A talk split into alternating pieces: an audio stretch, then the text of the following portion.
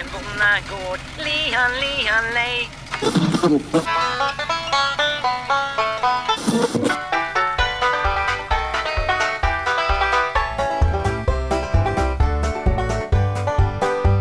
Hej! Ni lyssnar nu på Bondepraktikan, en ny podd som presenteras i samarbete med Bulletin. Vi som låter i dina öron just nu är jag, Rickard Axdorff. Och jag, Per-Ola Olsson. Vi är två banjohöger, eh, ska vi säga banjohögerliberaler. Eh, Och vi tänkte prata lite om samhället i stort, lantbruk, landsbygd, miljö och ska vi ta med äganderätt också idag? Vill ni veta mer så kan ni ju surfa in på bondepraktikan.eu och glöm inte att betala fakturan ifrån Bulletin för att annars får vi ingen lön och det är ju trist. Vi brukar i och för sig göra det mesta gratis du och jag. Ja, men det är kul att bryta trenden ändå på något sätt. Absolut. Både, både du och jag har väl alltid brutit brutit mot normer. Vad har du gjort idag? Oh, idag, det är fredag, det var en lång dag. Eh, vad har jag gjort? Det gamla vanliga, varit besvärlig, rent allmänt sådär, på flera olika ställen. Jobba halvtid eh, åt Moderaterna inne i Örebro. Gjort kaos med socialister. Spännande. Ungefär så. Sen så har vi flyttat ut, fly, flyttat eh, hästarna på ett nytt bete. Själv då?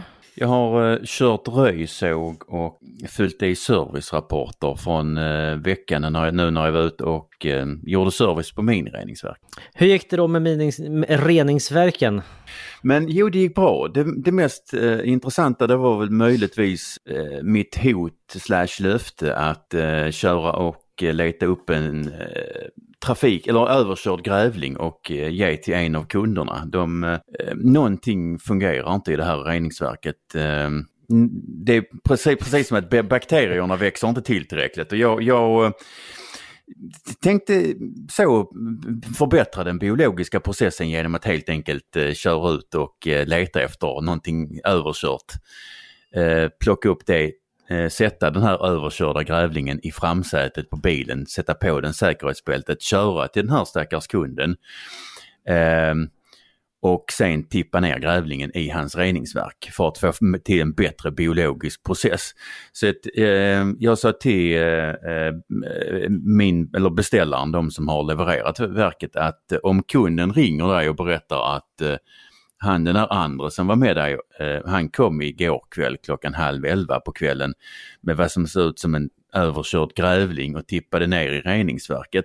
Så kan du bara säga att det stämmer. Liksom. Jag, men jag, jag, vänta nu, jag fattar inte. Eh, Bygger inte alltihopa på att det där som kommer in i mening, reningsverket liksom på något sätt ska göra, göra grejen själv? Jo. Att allting finns i det som landar där? Jo, jo. Ha, va, va, sort, sorterar de bort det på vägen eller vad då? Jag fattar inte. Det, alltså det, det, det, det, funkar liksom alltid annars men just i det verket så är det något som inte stämmer. De äter för lite kött eller någonting, jag vet inte. Nej men Vadå, alltså, fun- det funkar inte för veganer? Jo det, jo, det funkar för veganer också, men eh, de här bakterierna eh, som äter slam, de är denitrifierande. De fungerar precis, eller de fungerar som, om, som blågröna alger fast tvärtom. Så de eh, omvandlar kvävet i urinen till kvävgaser som går tillbaka till atmosfären. Eh, och om det inte finns tillräckligt med kväve i eh, vätskan så blir det ju inte tillräckligt med mat till bakterierna. Det, det är min hypotes i alla fall. Så nu ska du börja på och eh, kränga extrautrustning. så här, to- torkad grävling på burk. Grävling, där det inte torsk. funkar. Det beror kanske på vad man hittar. Men eh, alltså, nu, har, nu är det bara det här verket som inte funkar. Men annars hade man kunnat så typ sälja ja, en igelkott eller en, här är en grävling. Vildsvin för de Ja, riktigt inte stora. Inte igelkottar, de är söta. Jag vet, de är jättesöta. Jag byggde faktiskt ett, ett eh, eh, i pannrummet eh, i höstas. Så, så såg jag att de liksom, när det började bli höst så började de gå in eh, i pannrummet. Mm. Tänkte det är synd om dem om de ska eh, få för sig att bygga eh, någon form av vinter i det här. Så jag byggde ett äh, igelkottshus av OSB-skivor. Hittar de in då? Ja, ja, för fan, de gick väl av sådär. De har, alltså, det är förmodligen de få, eller några av världens få igelkottar som har ett eget hus. Det, det vanliga är väl typ att de bor i en lövhög och på våren så blir de uppeldade. Ja, det är därför jag eldar mina fordon, inte lövhögar. Just det. Jag hittade faktiskt en, en grävling i fårhagen i veckan. Levande? Nej, det var just det. Grävlingen hade ätit upp igelkotten. Så det, på något sätt så har vi en cirkel där. Kastar vi ner grävlingar i, bioreningsanläggningar så överlever igelkottarna. Så det är dumt att sutta ner dem där i. Jag förstår. Nej, nej men vi, vi, är helt överens. Mm. Igelkottar är söta. Ja men faktiskt. Mm. Och eh, landskapsdjuret på Gotland. Ja sånt kan ju du. Det visste inte du. du.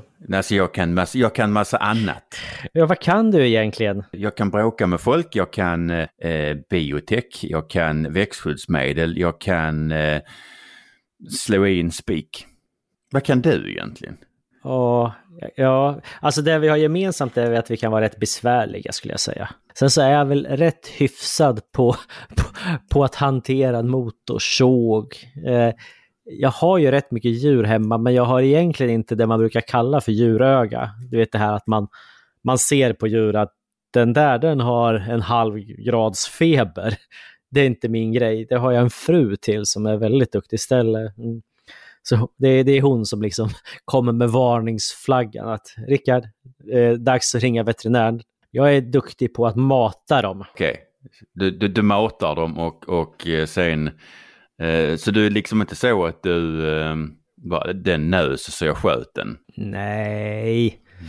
Jag säger att, jag säger att du ljuger. Nej men på något sätt så eh, djur som dör innan de är färdiga för mat det är ju ett misslyckande. Eh, de ska inte dö förrän de är eh, liksom lagom mogna för att hamna på en tallrik. Jag tror folk har lite svårt, alltså vad ska jag säga, eller civilister, folk, normala människor. Jag tror de har lite för svårt att förstå det här misslyckandet, eller misslyckandet i att ett djur dör innan det ska dö.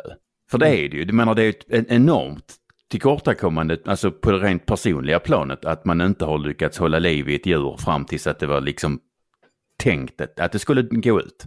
Jo men precis. Vid lamningen i år så gick ju sådär. Eh, baggen gick och bröt benet. Det är, lite, det är lite svårt att göra någonting åt på vägen innan. Eh, men det var ju smitteroligt. Dessutom, det var ju faktiskt lite roligt, ja eller roligt, även var det kanske inte. Men du vet det finns ju den här moderna grejen som alla hänger på som heter Clubhouse. Eh, och, mm. och, då höll de på att prata mat där. Eh, Eh, och det var någon sån här, vet, eh, duktig mat, nu vad heter hon då? Min kompis Mia tror jag på, på Twitter. Och, och, och sen så några mm. andra som är väldigt skickliga på att laga mat. Eh, och sen så under tiden de höll på att prata mat där så var jag uppe hos fåren. Och, och sen så berättade jag att jag, de undrade vem jag var och så sa jag, men jag, det, jag håller på att producera det som ni pratar om, maten. Och det var ju lite gulligt mm. och sött och sådär. Och sen så, så sa jag väl att man måste lämna er en stund. Och sen så för då upptäckte jag att baggen hade brutit benet. Så gick jag ut och sköt honom. Eh, och sen så gick jag in i Clubhouse igen och då frågade vad jag hade gjort. Och då sa jag att jag var ute och skjutit baggen. Det, det var lite konstig stämning där. Varför då? Ja men alltså att li, liv och död är ju närvarande hela tiden. Eh, medans kött kanske, eller mat, kanske bara är kött eller bara mat. Eh, men jag tror att de fick en bra start i sitt Clubhouse. Eh, jag bjöd på det. Nej men alltså just den här biten med liv och död tycker jag, alltså den, jag tycker den, alltså jag vet, alltså den är ju viktig att tänka på. Det, jag går ju ofta och tittar på äh, kött i äh, den här hyllan med kort datum, inte för prisets skull utan för att det, det skär i mig att, att eh, djur ska ha dött förgäves. Ja men precis. Eh, dels det och sen så är det på något sätt, det är synd om den stackars bonden som har liksom fött upp det där grisen och sen så och liksom lagt ner sin själ på det och sen så slutar det med liksom att ja, det var ett kort datum så att eh, eh det blev jordförbättring av den steken. Det är mm. rätt värdelöst faktiskt. Ja, men, nej, men det, alltså, det känns inte bra i själen. Jag har precis lagat mat för övrigt och eh, bjudit familjen på. var ju stor succé. Började med att dottern var jättesur. Eh, redan när jag lagade mat. Och så, så frågade jag vad, vad det handlade om. Och så, så efter ett tag så var det så här, pappa, det är kött och potatis. Idag igen. Kan väl åtminstone få slippa potatisen en kväll. Men det, är, väl- det är väl för fan inget fel på kött och potatis? Det, nej, det tyckte inte jag heller i och för sig, men nu har det kanske varit det alldeles för, må för många middagar på rad. Eh, så att det, det, slutade med att jag, jag hittade ett sån här jätteräkor i frysen. Mm. Eh, så det fick hon. Jag, tro, jag trodde du skulle säga fiskpinnar. Nej, nej, nej, herregud. Hon äter bara bra mat. Men det är fan inget fel på fiskpinnar. Äter du fiskpinnar? Eh, ja, en gång om året. Eh, eller ja, eh, kanske någon gång till. Eh, jul, juldagen brukar jag ha som tradition att äta pulvermos och fiskpinnar. Ah, se där. Alltså, nej men alltså jag är så erbarmligt trött på julmat ungefär då. Så att då, då känns det så enormt befriande att käka pulvermos. ehm, eh, och fiskpinnar. Ja, givetvis med någon, någon sån här eh, remouladsås och, och gröna ärtor. Vi, vi har ju som tradition att eh, också mos, men riktigt mos. Alltså sånt som är gjort på riktiga potatisar. Eh, och sen så skinka och senap och äppelmos och blomkål och eh, rödkål. Och sen så äter man det där i en salig blandning. Det är ju fantastiskt gott. Ja, men det kan inte betraktas som julmat, kan det det? Det kan betraktas som rester av julmat. Men det är ju helt okej. Ibland, har- ibland har jag gjort pizza på, eh, på julskinkan. Vad är den där skinkan som heter pizzaskinka? Man köper i affären. Är det skinka? Alltså jag, alltså jag är väl lite tveksam till om vi verkligen ska ställa oss, alltså alltså ska vi ställa de svåra frågorna. Vad är egentligen pizzaskinka? Ja, jag vet var- inte. Det är, någon, någon slags pre pressat kött. Någon jävla pellegris som har liksom... Okej, okay, Okej, vi, vi kanske måste... Okej, okay, Pell, för de som inte vet vad en pellegris är, så att i, i, i nästan varje kull eh, eh grisar så blir det någon som är eh, eh, lite efter.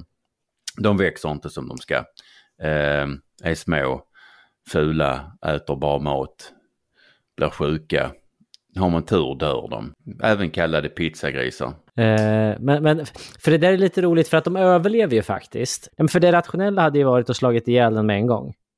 Så fort du märker liksom att det här, det är en förlustaffär så bara skriker om det. Ja, Men lik förbannat så behåller man den. Eh, och det är ju likadant varje år med, med lammen. Man får något flasklamm och sen så det växer jättedåligt.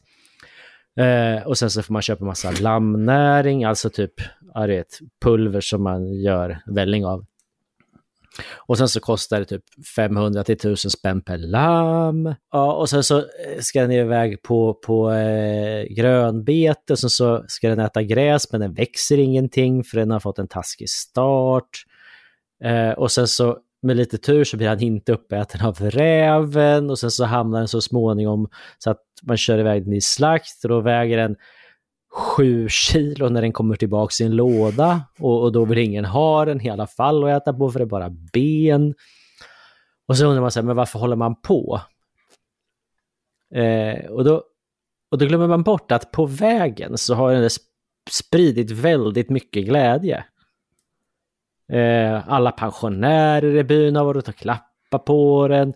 Eh, årets upplaga till exempel, den är just nu i vägen har en hage där två stycken pensionärer är barnvakter i 14 dagar nu åt eh, eh, flasklamm.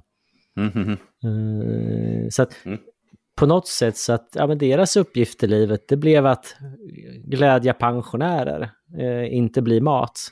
Eh, och sen Mm. så var det en förlust av affär på vägen, men det kan det kanske vara värt då.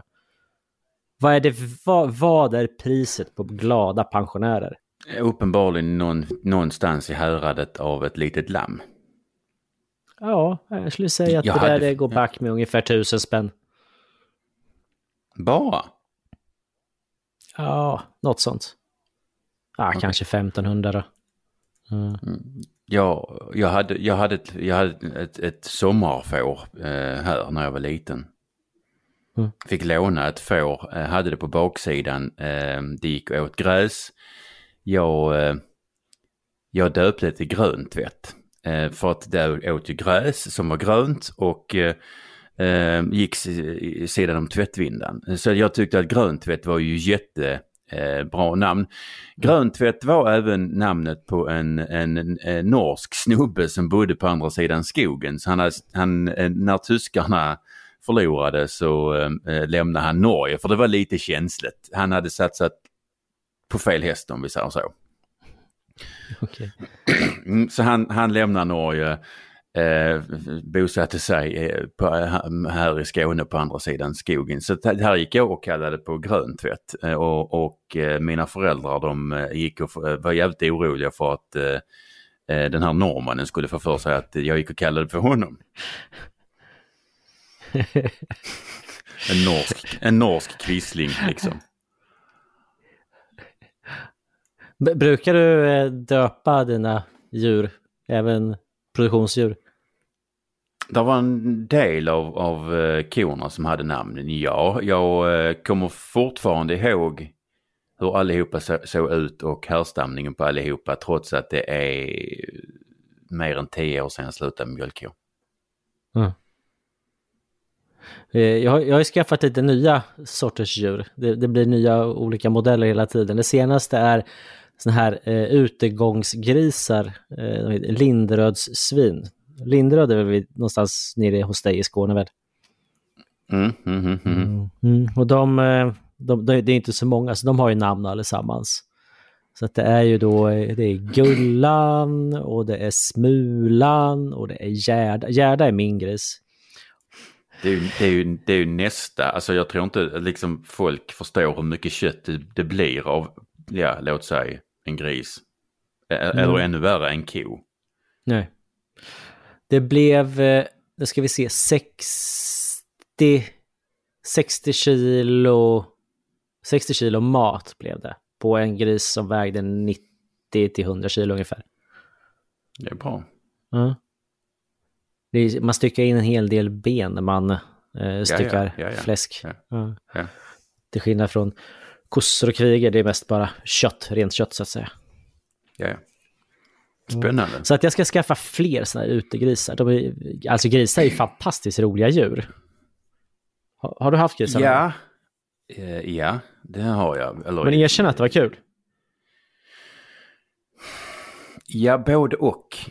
Alltså de var ju, alltså de är ju fruktansvärt intelligenta och, och eh, eh, väldigt envisa. Så att ibland kunde man ju bli helt knäpp på dem. För att det kunde vara någon brunstig gylta som fick för sig att hon, nej jag ska inte gå där och sen så gick hon inte där liksom. Så spelar det liksom ingen roll om du så försöker knuffa på henne med en traktor om man nu hade kommit in i stallet med det. Men det gick bara inte. Men de är, det är roliga djur. Och- de brukar, alltså, men jag, jag vet, alltså människor som, människor som eh, inte tycker om att, att eh, andra människor äter kött, de brukar påpeka att grisar är jävligt smarta. Eh, någonstans i häradet runt hund. Eh, men eh, eh, alltså om nu grisar hade verkligen, på, på, verkligen hade varit sådär hemskt smarta som folk nu påstår, så menar varför byggde de då hus som gick att pusta och frusta omkull? Ja, det är, ja, det är en bra fråga. Man kan ju liksom dra den frågan ytterligare kanske och säga om, om nu grisar är så smarta, varför är det inte vi som är i hägn? Men, vem har, men vem, vem har sagt att det är liksom det är vi som är toppen på näringskedjan? Tänk om det är maskarna som farmar oss, eller träden. Ja, så skulle det faktiskt kunna vara kanske.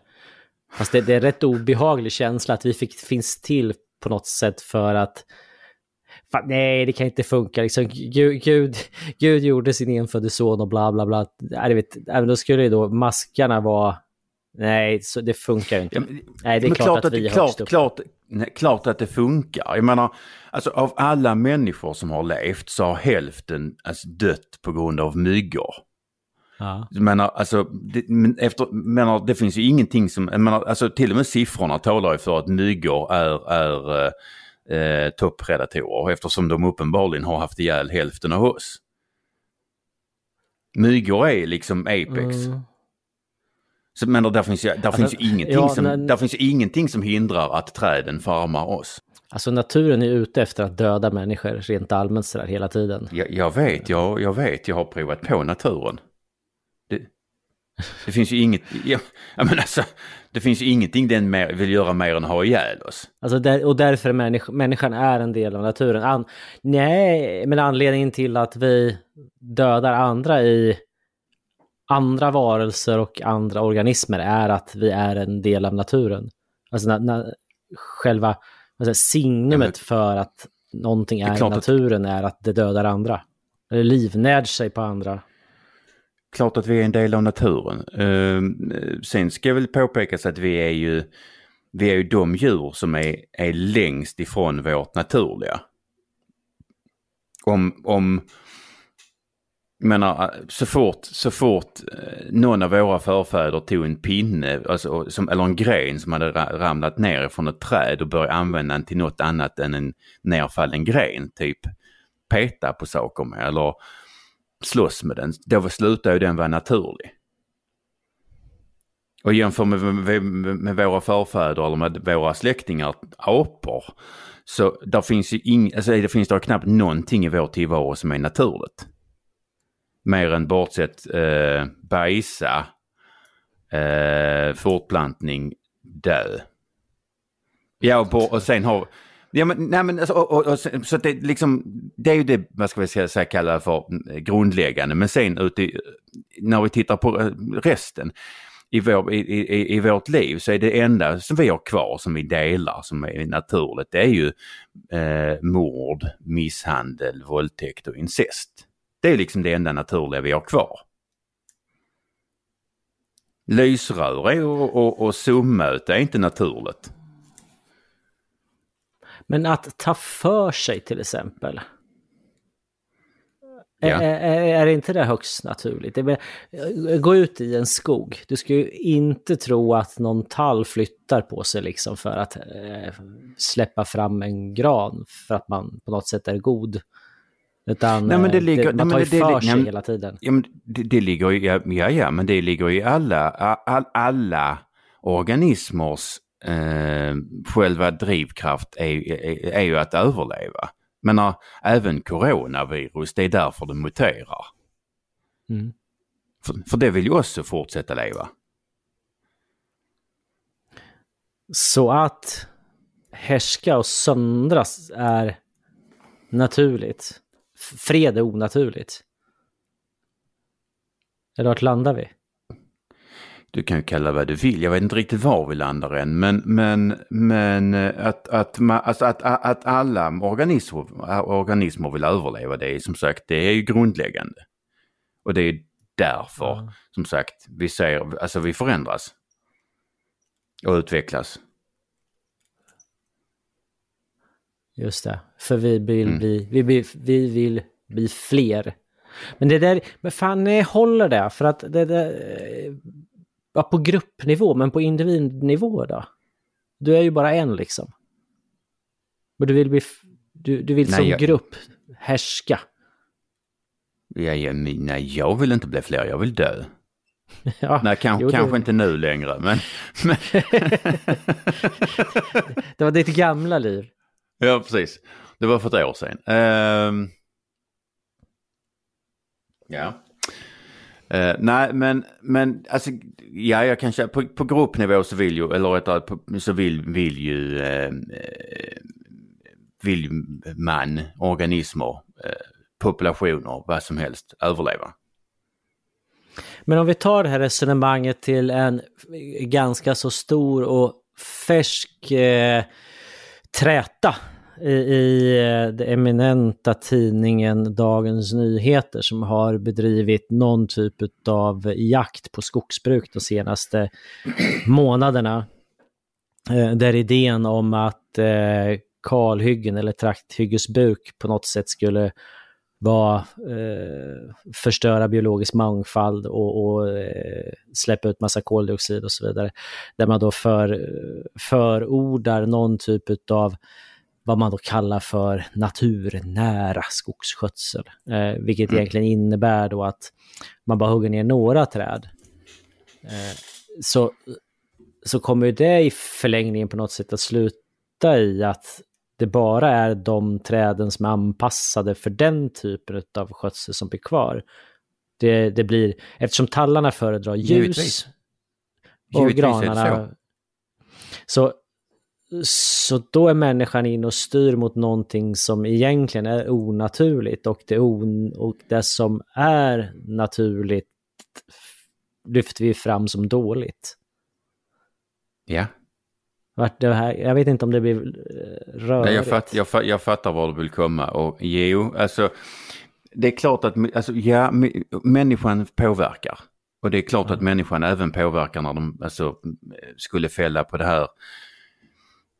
Nu kan det här bli en liten parentes, men alltså den här jävla DNs artikelserie om, om, om, om skogen. Det är liksom, jag vet inte vad det egentligen ska för eller kan, kan liknas med, men alltså har de som har skrivit de här texterna varit med om någon form av personliga trauman som de, alltså, i skogen som de försöker bearbeta genom de här erbarmligt dåliga texterna?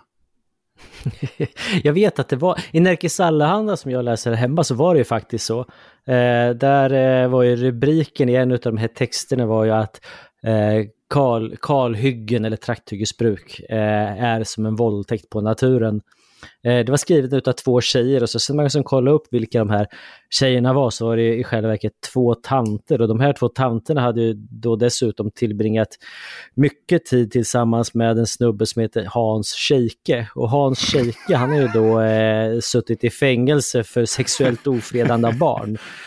så, så, att de vet ju vad de pratar om på något sätt. Eh, Okej. Ja, ja, ja, det vart ju en liten utläggning men ja, Ja, jag först, men det kanske är som så att eh, men möjligen är det att eh, det egentligen inte handlar då om eh, själva brukandet utan att det snarare är en symbol på något sätt för någonting annat. Ja, förmodligen att du är ond som fäller träd. Men för att återvända, ja vi påverkar och menar, alltså, alltså om man hade anammat den här tradition, eller den här skötselmetoden som nu DN lyfter fram så är det klart att man efter ett tag hade skogen och träden anpassat sig till det här vilket hade gjort att vi hade fått lika dålig biologisk mångfald där som vi har på ett kalhygge eller till och med förmodligen sämre. Mm. Nu, För någonstans så landar vi väl i att, att det naturliga är kaos. det naturliga är kaos. Ja. Och, och det onaturliga är kontroll och det är kontroll vi vill ha. Så vi vill inte Vem- ha det naturliga, vi vill ha det onaturliga. Ja, ja gud, klart att vi, alltså den normala människan, alltså vad ska jag säga, den, den normala moderna människan idag vill ha det onaturliga. Mm. Det, Så det, jag som har kaos på mitt skrivbord, det, ja, det, är jag det, mer det, naturlig än onaturlig? Du, du är mer naturlig och eh, det där med kaos på skrivbordet, det, det är någonting vi delar. Men om vi ska, liksom ska fortsätta prata biologisk mångfald och, och eh, den Ja. moderna människan. Så det finns ju, alltså, jag- jag är mer inne på livsmedelsproduktion och du är mer inne på skog. Men det, vi, vi har ju en, en klick människor som, som, som eh, käftar väldigt mycket om biolog, att det ska vara hög biologisk mångfald i lantbruket. Alltså de vill ha ogräs och sk- skadeinsekter och allt vad det nu är. Samtidigt eh, eh, som man senare i livsmedelskedjan, alltså i industrin och ännu mer i deras eget kök eller i, eller, eller i deras kylskåp, där vill man inte ha hög biologisk mångfald. Så jag- jag har börjat fråga, jag, jag börjat fråga, nej men alltså, där är, det- där är, där är ingen skillnad på, på, äh, på att ha ogräs i fält eller skadegörare eller, eller mögelsvampar i fältet. Som det är att ha mögelsvampar eller kornvivlar i köket. Ja. För båda två är tecken på biologisk mångfald. Och båda två eh, är ju någonting som du egentligen inte vill ha där.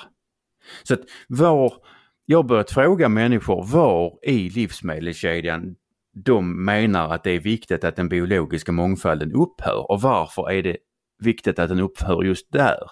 Och Mm. varför är det viktigt att man har hög biologisk mångfald i ett fält men inte i nedersta lådan i kylen?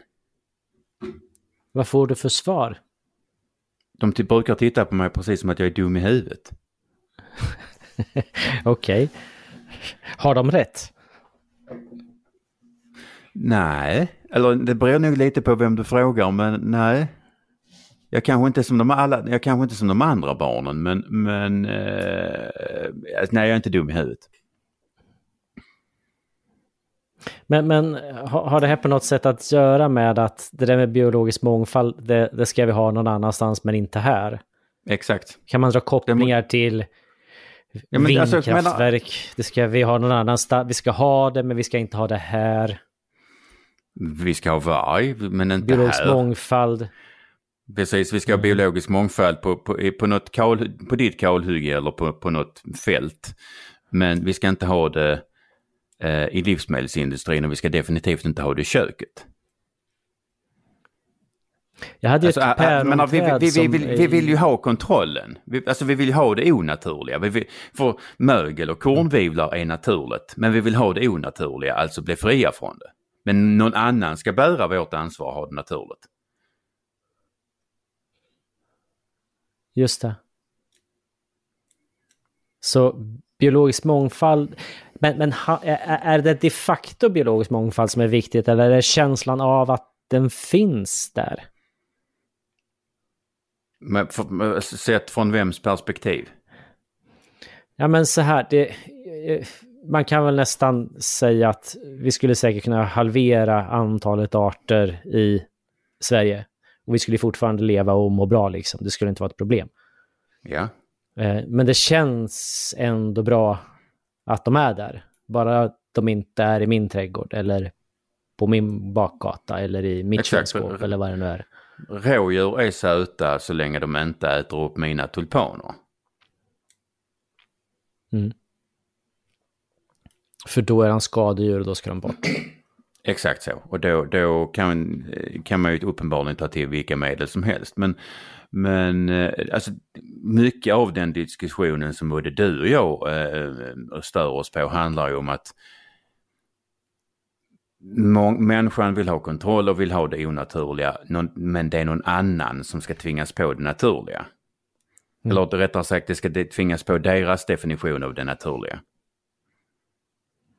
I Jag tycker det är ganska tråkigt.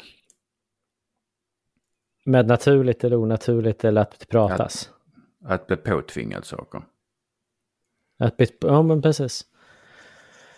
Det, I skogen så pratas det ganska mycket om naturliga skogar.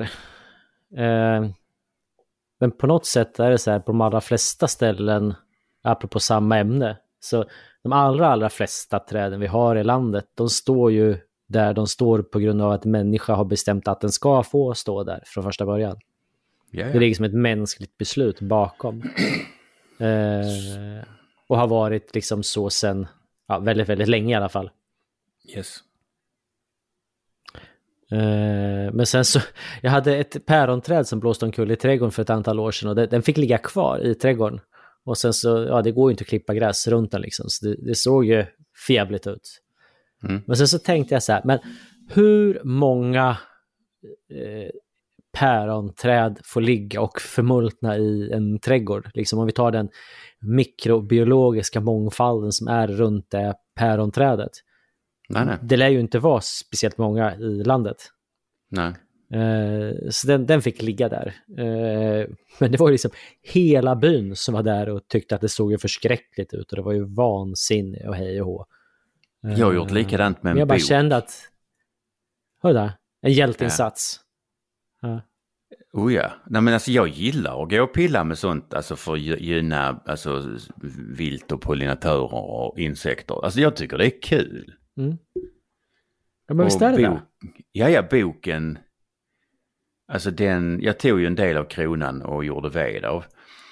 Ehm, Mm. Stammen, det här är ju... Alltså vi kanske mindre än 15, mer än 12. år sedan. Men alltså, där är, alltså stammen är fortfarande kvar och är ju, är ju för, alltså en enormt tacksam bo för jättemånga konstiga insekter. Jag kan inte namnge hälften av dem.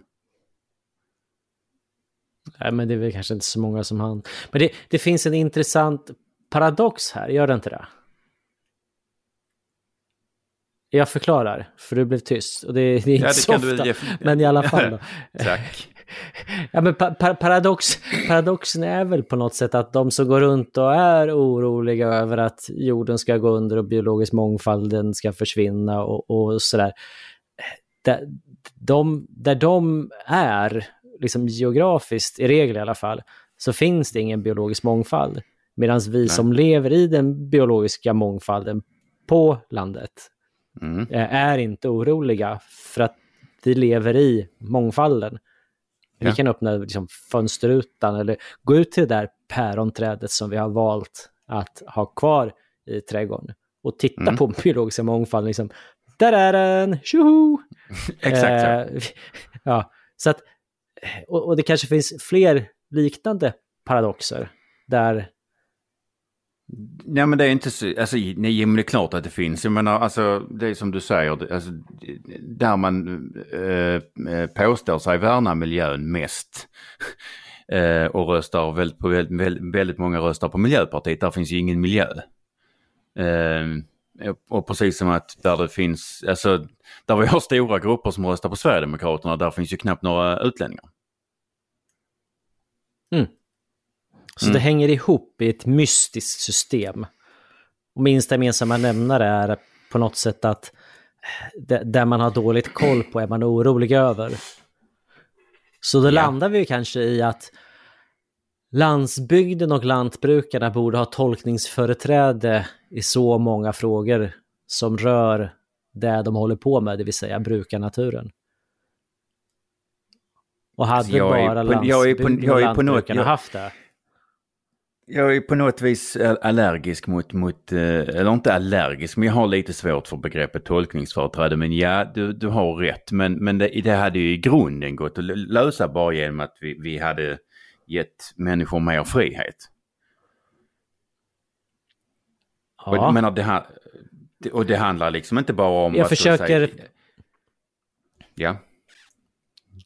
Jag, jag, jag, jag försöker bara använda begrepp som förstås tolkningsföreträde förstår man i stan, men frihet, nej, jag vet inte. Det är inte vår frihet i alla fall. Nej, nej, men det finns ju väldigt få som förstår frihet i det här landet. Men det, det, vi för sig, det, till deras försvar ska sägas att det, den, alltså frihet är svår att förklara. Vilket jag i och för sig tangerade i min text om banjohögern. Um, men det hade... Vi kan ta, vi kan, vi kan, jag menar det här, det här, det behöver inte handla om några jättestora reformer, men vi kan ta till exempel en, när till och med staten har, eh, har tvingat lantbrukare att, att försämra den biologiska mångfalden och ta bort viktiga habitat. Eh, vi, vi har ju, hade ju eh, för många år sedan så började de här alltså kraven på hur betesmarker skulle skötas. Eh, då hade eh, kontrollanterna en, en, eh, en pappskiva med ett hål i som man la på gräset och sen så mätte man, eller stoppade man en tumstock i hålet. Och så kunde man mäta hur högt gräset skulle vara. Eh, och för att man hade alltså krav på att betena skulle vara snaggade. Och det var ju enormt Eh, eh, eh, besvärligt för, för både fåglar och insekter. Men gräset skulle vara snaggat rakt över annars fick man inte stöd. Sen så släppte man lite på det och sen så började man hålla på att, att eh, kräva att det skulle inte få finnas fler än 50 träd per hektar i betesmarker. Och det, vilket gjorde att, att lantbrukare var tvungna att fälla träd och ta bort jättefina eh, biotoper. Eh, för, att, för att staten krävde det och hänvisade till EU. Eh, läser man sen vad EU säger så feltolkade Sverige hela direktivet så att det här, alltså den här, de här, den här förstörelsen av den biologiska mångfalden som staten tvingade igenom den var, den, alltså den var, den var inte bara i onödan, den var regelvidrig. Mm. Mm. Så det det som sagt, det krävs inte några jättestora reformer att, om man nu vill öka friheten i syfte att förbättra den biologiska mångfalden. Det är bara att lyssna lite mer på dem som faktiskt håller på med det. Är statliga propåer ett problem för biologisk mångfald? Dödar staten Ja. mångfalden? Ja, klart att den gör. För att staten är fyr, alltså regler är fyrkantiga och det är som, du, som vi pratade om innan, eh, eh, så är är man ute efter någon form av kontroll och ordning.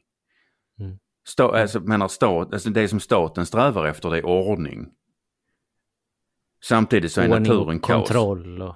Ja, och Ja. precis. Ordning och kontroll. Naturen och det, alltså, nat, naturen är ju, är, ju, är ju väldigt okontrollerad.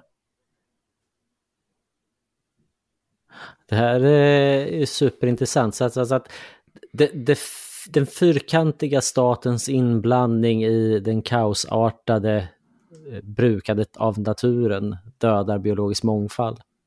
Ja, då tycker jag att vi säger tack för idag Per-Ola och tack ni som har orkat och lyssnat så hörs vi om en vecka igen. Du lyssnar på Bondepraktikan med mig Per-Ola Olsson och Rickard Axdorff. På bondepraktikan.eu finns allt du behöver, både hur du blir plusprenumerant och kan ta del av materialet en vecka innan alla andra och mer information om oss två. Tills vi ses igen. Tack!